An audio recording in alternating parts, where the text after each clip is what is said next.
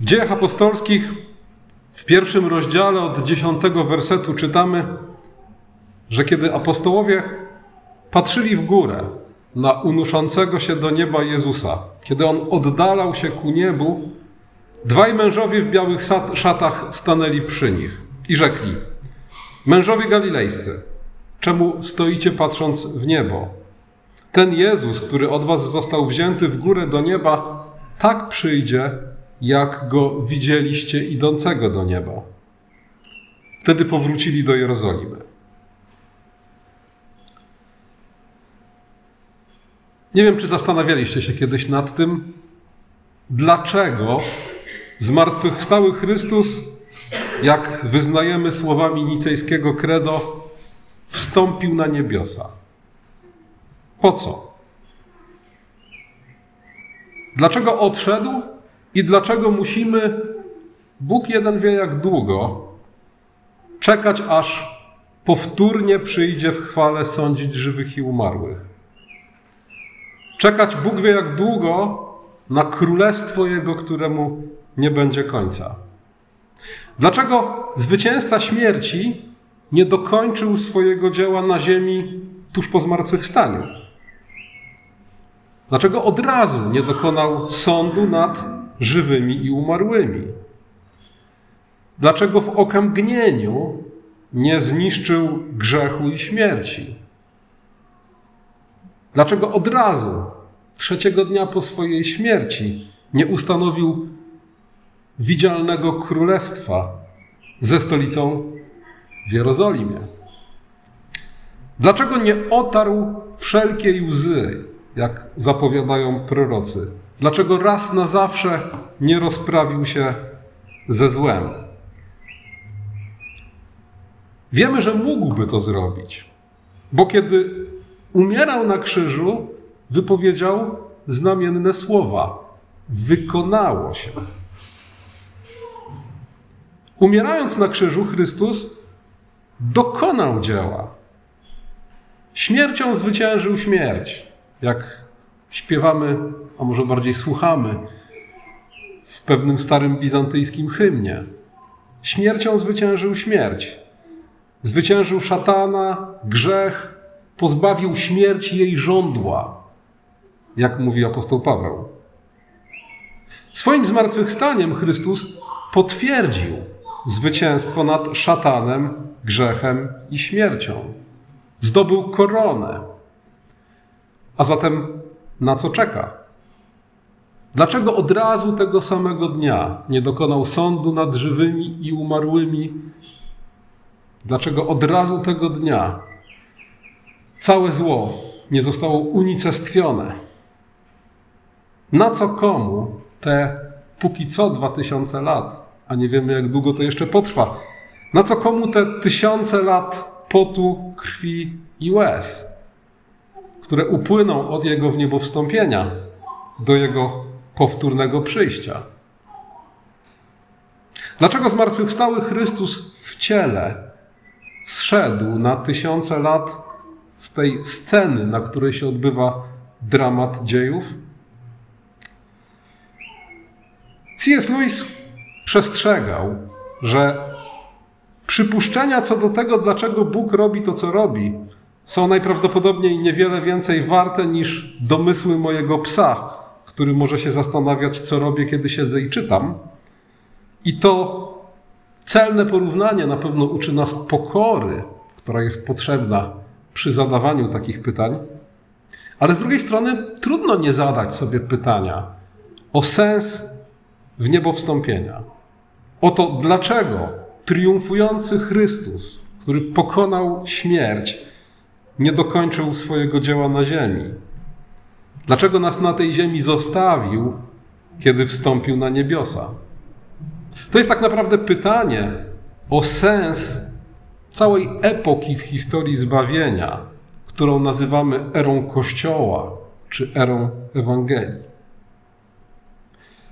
Czy pismo coś na ten temat nam mówi?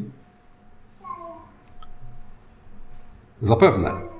Na przykład w dziejach apostolskich w trzecim rozdziale, w 21 wersecie czytamy o tym, że niebo musi zatrzymać Chrystusa aż do czasu odnowienia wszystkich rzeczy, co od wieków przepowiedział Bóg przez usta swoich świętych proroków. On wstąpił do nieba i niebo ma tam go zatrzymać do czasu, aż wszystko zostanie odnowione. To ciekawe, bo czasem nam się tak wydaje, że to Chrystus w okamgnieniu powinien wszystko przemienić. A tu okazuje się, że przemiana świata, przemiana wszechrzeczy ma się dokonać pod nieobecność Chrystusa w ciele. Niebo ma go zatrzymać aż do czasu odnowienia wszechrzeczy. W Psalmie 110, którego fragment śpiewaliśmy, a który cały będziemy śpiewać za chwilę, czytamy: Rzekł Pan Panu memu, siądź po prawicy mojej, aż położę nieprzyjaciół Twoich jako podnóżek pod nogi Twoje. A więc znowu Chrystus wstępuje do nieba, zasiada po prawicy Ojca i siedzi. I czeka, aż nieprzyjaciele jeden po drugim zostaną położeni pod jego stopy. Ten obraz sugeruje? Może nie bierność Chrystusa, ale jednak kładzie nacisk na to, że to ktoś inny, Bóg, pytanie czyimi rękoma, będzie kładł po kolei wrogów Chrystusa jako podnóżek pod jego stopy. Niebo musi go zatrzymać do czasu odnowienia wszechrzeczy, a on ma zasiadać na tronie tak długo, aż nieprzyjaciele zostaną położeni pod jego stopy. Pierwszy list do Koryntian, 15 rozdział od 25 wersetu. Apostoł Paweł, odwołując się do tego psalmu, mówi, że Chrystus musi królować, dopóki nie zostaną położeni pod jego stopy wszyscy nieprzyjaciele. Z kolei w Ewangelii Jana w 16 rozdziale Jezus, kiedy mówi o swoim odejściu, mówi: Lepiej dla was, żebym ja odszedł. Bo jeśli nie odejdę, pocieszyciel do was nie przyjdzie. Ale jeśli odejdę, poślę go do was, a gdy on przyjdzie, przy, przekona świat o grzechu, o sprawiedliwości i o sądzie. I kawałek dalej Jezus mówi: On wszystkiego was nauczy, wszystko wam przypomni, wprowadzi was we wszelką prawdę. A więc Chrystus wstępuje do nieba, niebo ma go zatrzymać do czasu odnowienia wszechrzeczy, ma zasiadać na tronie, kiedy nieprzyjaciele będą kładzeni pod jego stopy, a w tym samym czasie Duch Święty ma stąpić na ziemię i wykonać tutaj swoje dzieło.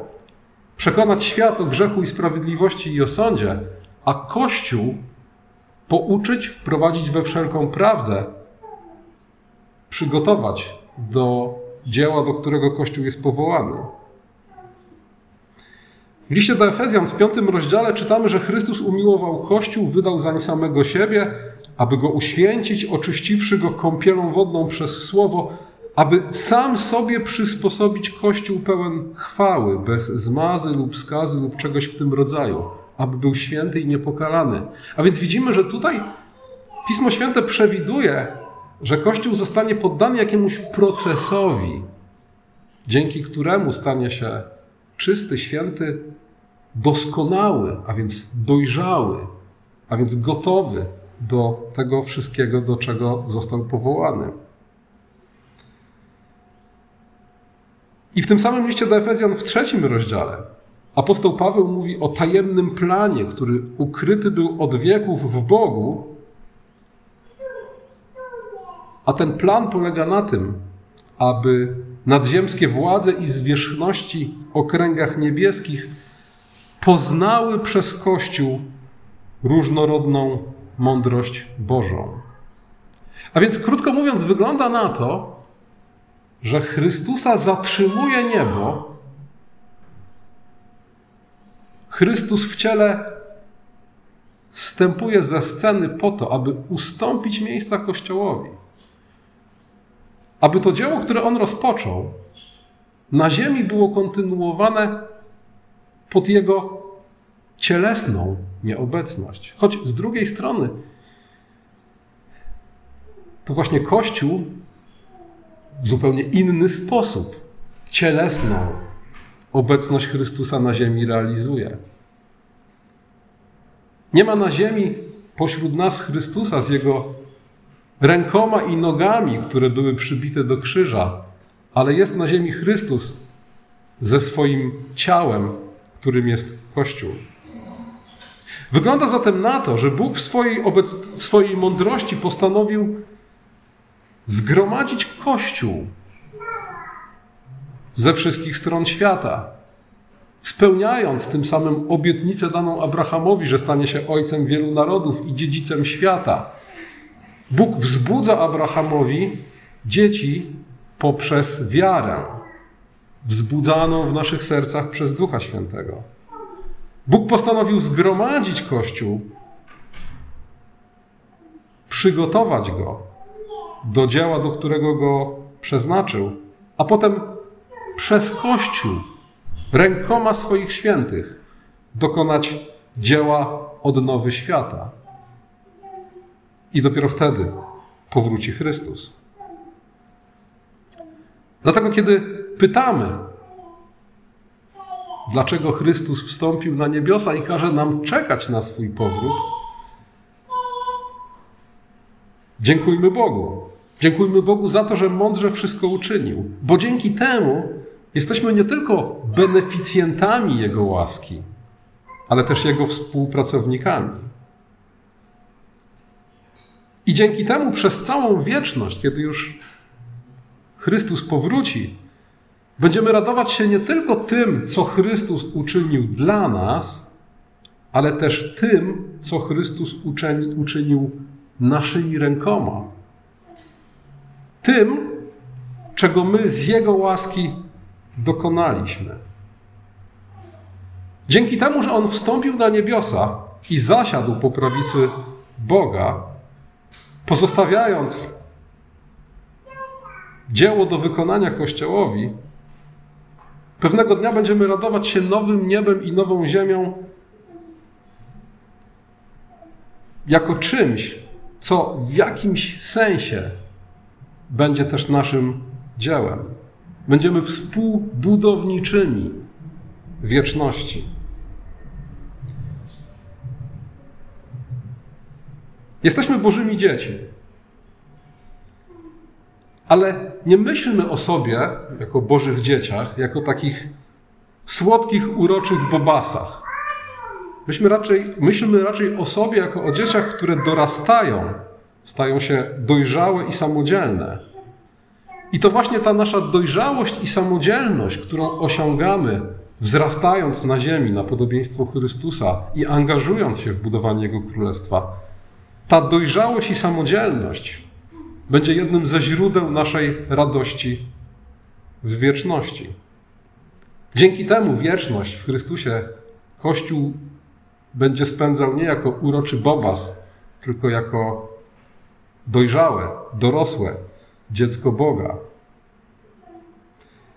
Jezus wstąpił na niebiosa i zasiadł po prawicy Boga, oczekując, aż nieprzyjaciele zostaną położeni pod jego stopy. I uczynił to właśnie po to, aby Kościół mógł wkroczyć na scenę. Aby jego ciało, którym jest Kościół, wykonało tę pracę, która została do wykonania po męce śmierci i zmartwychwstaniu Chrystusa. Czasem mówi się, że trzeba kogoś zostawić i pozwolić mu, żeby zdobył swoje ostrogi. Żeby krótko mówiąc, samodzielnie wykonał jakąś pracę, samodzielnie wykonał doświadczenie i samodzielnie zdobył też chlubę, jaka wiąże się z wygraną bitwą, dobrze wykonanym dziełem. Dokładnie tak postępują rodzice ze swoimi dziećmi. Pozwalamy dzieciom zdobywać swoje ostrogi. Zostawiamy je same, aby dorosły. Nie towarzyszymy im fizycznie przez cały czas, bo wtedy nie dorosłyby nigdy. Oczywiście, kiedy je zostawiamy same, zapewniamy im inny rodzaj naszej obecności. Zostawiamy im cały kapitał, jaki budowaliśmy przez lata, kapitał mądrości, pouczeń, czasem też materialny kapitał. Kiedy już nasze dzieci są daleko od nas, zawsze mogą przyjechać, zadzwonić, odwiedzić nas. Rodzice nie znikają tak całkowicie, ale jednak zostawiamy nasze dzieci, żeby mogły zdobyć swoje ostrogi. I dokładnie to samo zrobił Chrystus z Kościołem, kiedy wstąpił do nieba i zasiadł po prawicy Ojca. Oczywiście wszystkie porównania pomiędzy nami jako rodzicami, a Bogiem jako Ojcem są ograniczone, bo Bóg jako Ojciec zapewnia nam taki rodzaj obecności swojej, jakiego my naszym dzieciom zapewnić nie jesteśmy. Chodzi o Ducha Świętego, którego nam dał i który w nas zamieszkuje. Niemniej jednak obecność Chrystusa w ciele została zastąpiona zupełnie innego rodzaju obecnością. Taką obecnością, która wymaga więcej naszej dojrzałości i aktywności, żebyśmy mogli z niej czerpać realną korzyść. A zatem, tak jak naszym celem wobec naszych dzieci jest to, żeby były dojrzałe, dorosłe, samodzielne i żeby w przyszłości były nie tylko beneficjentami naszej miłości, nie tylko konsumowały to, co od nas otrzymały, ale żeby też mogły cieszyć się tym, czego same dokonały.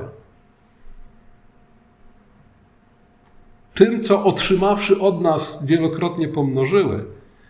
Dokładnie tak samo Bóg, obdarzając nas łaską w Chrystusie, chce, abyśmy w wieczności byli nie tylko beneficjentami Jego łaski i miłości, ale żebyśmy tę wieczność mogli spędzić jako Jego dojrzałe dzieci.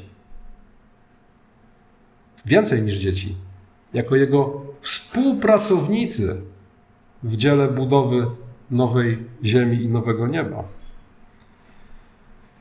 W pierwszym liście do Koryntian, w trzecim rozdziale, w dziewiątym wersecie apostoł Paweł mówi: Współpracownikami Bożymi jesteśmy.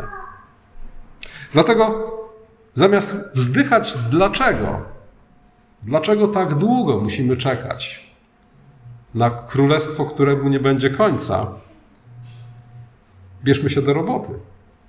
Mamy wielkie posłannictwo Starego i Nowego Testamentu. Czyńcie sobie ziemię poddaną, idźcie na cały świat i czyńcie uczniami wszystkie narody, chrzcząc je w imię Ojca i Syna i Ducha Świętego, ucząc je przestrzegać wszystkiego, co wam przekazałem.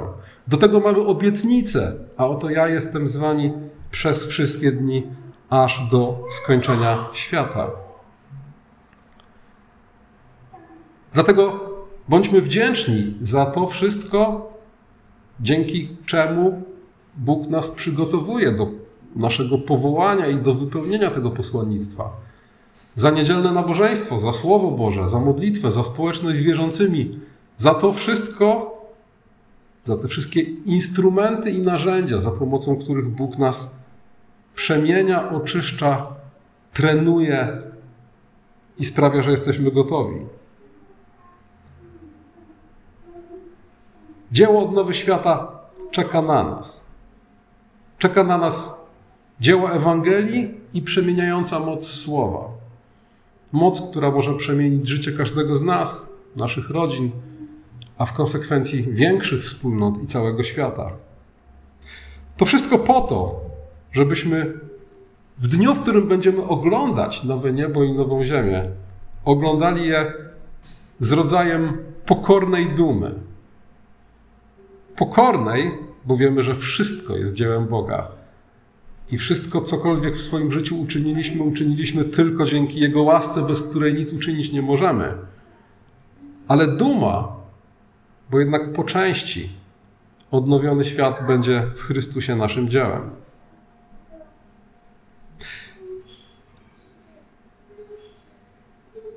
A jeśli ta perspektywa nie wyjaśnia wszystkiego, bo nie wyjaśnia. Nie wyjaśnia nadal, dlaczego w swojej mądrości i wszechmocy Bóg w tym okresie pomiędzy wniebowzięciem Chrystusa a jego powrotem dopuszczał i dopuszcza na ziemi tak wiele zła. Jeśli nadal myślimy sobie, no tak, ale gdyby to wszystko dało się załatwić za jednym razem, to tak wiele zła dałoby się uniknąć, to wtedy warto sobie przypomnieć słowa C.S. Lewisa. Przypuszczenia co do tego, dlaczego Bóg robi to, co robi, są najprawdopodobniej niewiele więcej warte niż domysły mojego psa, który może się zastanawiać, co robię, kiedy siedzę i czytam. W dziejach apostolskich czytamy, że uczniowie stali i patrzyli w niebo. Stali, patrzyli w niebo, a w pewnym momencie podeszło do nich dwóch mężów w białych szatach. Zapewne byli to aniołowie. I powiedzieli, co tak stoicie i patrzycie. Pewnego dnia powróci, dokładnie tak samo, jak widzieliście go wstępującego do nieba. I Łukasz, autor dziejów apostolskich, kończy ten epizod słowami: Wtedy powrócili do Jerozolimy. I tak naprawdę to zdanie, wtedy powrócili do Jerozolimy, otwiera nową epokę w dziejach zbawienia.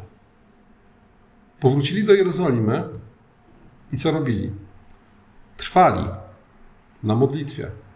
Tak długo, aż po dziesięciu dniach Bóg wypełnił swoją obietnicę i zesłał Ducha Świętego. A wtedy pełni Ducha Świętego wyszli na place Jerozolimy i zebrali pierwsze żniwo Nowego Przymierza. Kiedy w dniu pięćdziesiątnicy wskutek zwiastowania Ewangelii nawróciło się trzy tysiące ludzi. A potem z Jerozolimy, dokładnie według słów Chrystusa, przez Judeę i Samarię poszli na krańce ziemi, aby opowiadać o Chrystusie, głosić Jego Ewangelię i aby świat doświadczył tej przemieniającej mocy słowa. Aby rozpoczął się ten proces odnowy wszech rzeczy, który zakończy się triumfalnym, powtórnym przyjściem Chrystusa.